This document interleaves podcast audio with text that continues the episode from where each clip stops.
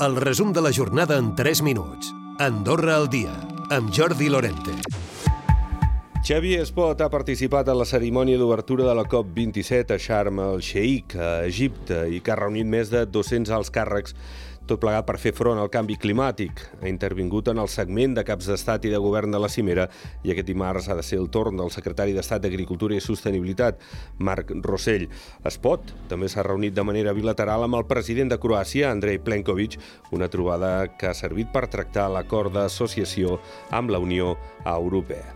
I en plana política nacional, Pere López ha estat als matins de la Nacional, ha dit que la llei de mesures energètiques té com a gran objectiu treure responsabilitat a FEDA per possibles talls de llum. Ho deia així. La intenció bàsica de la llei que està a tràmit parlamentari és tancar aquest principi. És a dir, si jo l'aviso en 24 hores i vostè no pot treballar, vostè no pot lliurar una comanda, vostè perd un, un dinar que tingui reservat al seu restaurant o unes reserves que pugui tenir al seu hotel, doncs FEDA no assumirà cap, eh, cap responsabilitat. El missatge no és molt tranquil·litzador de la llei, perquè la llei no és per dir què és el que farem també ha dit que la difícil conjuntura econòmica ha provocat que el govern vulgui que les eleccions generals siguin el més tard possible, quan fa uns mesos, deia, era tot el contrari.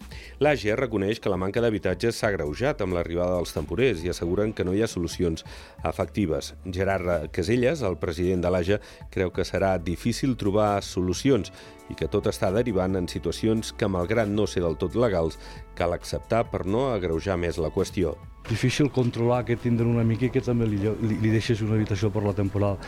Jo penso que mentre no, no, sigui, no es passi de lo que permet la certificat d'habitabilitat i tot, eh, i, i sigui realment per poder anar a descansar i, i a viure, no té per què passar res. Un batlle ha demanat a l'Audiència Espanyola les converses gravades entre l'excomissari Villarejo i els germans Cierco. Segons afirma el digital El Independiente, es vol determinar si els màxims accionistes de BPA van contractar el polèmic policia per escometre contra les institucions d'Andorra després de la intervenció del banc. Les freqüències i l'aforament són les principals queixes dels usuaris del transport públic.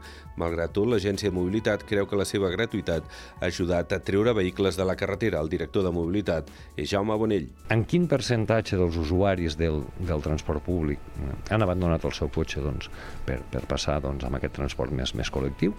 Això és la primera cosa a examinar. I després és, és tindre en compte tots aquests paràmetres que us deia abans, no?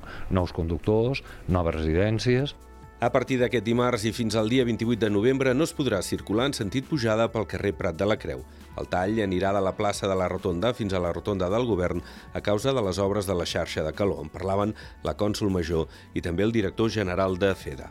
Jo demano a la ciutadania, si us plau, una mica més de paciència. Valdrà la pena aquesta obra valdrà la pena per tot el que representa la millora del carrer Prat de la Creu, però sobretot el poder disposar d'aquesta xarxa. Jo crec que ens donarà pues, molta capacitat de, de, de, de gestionar millor energia d'Andorra.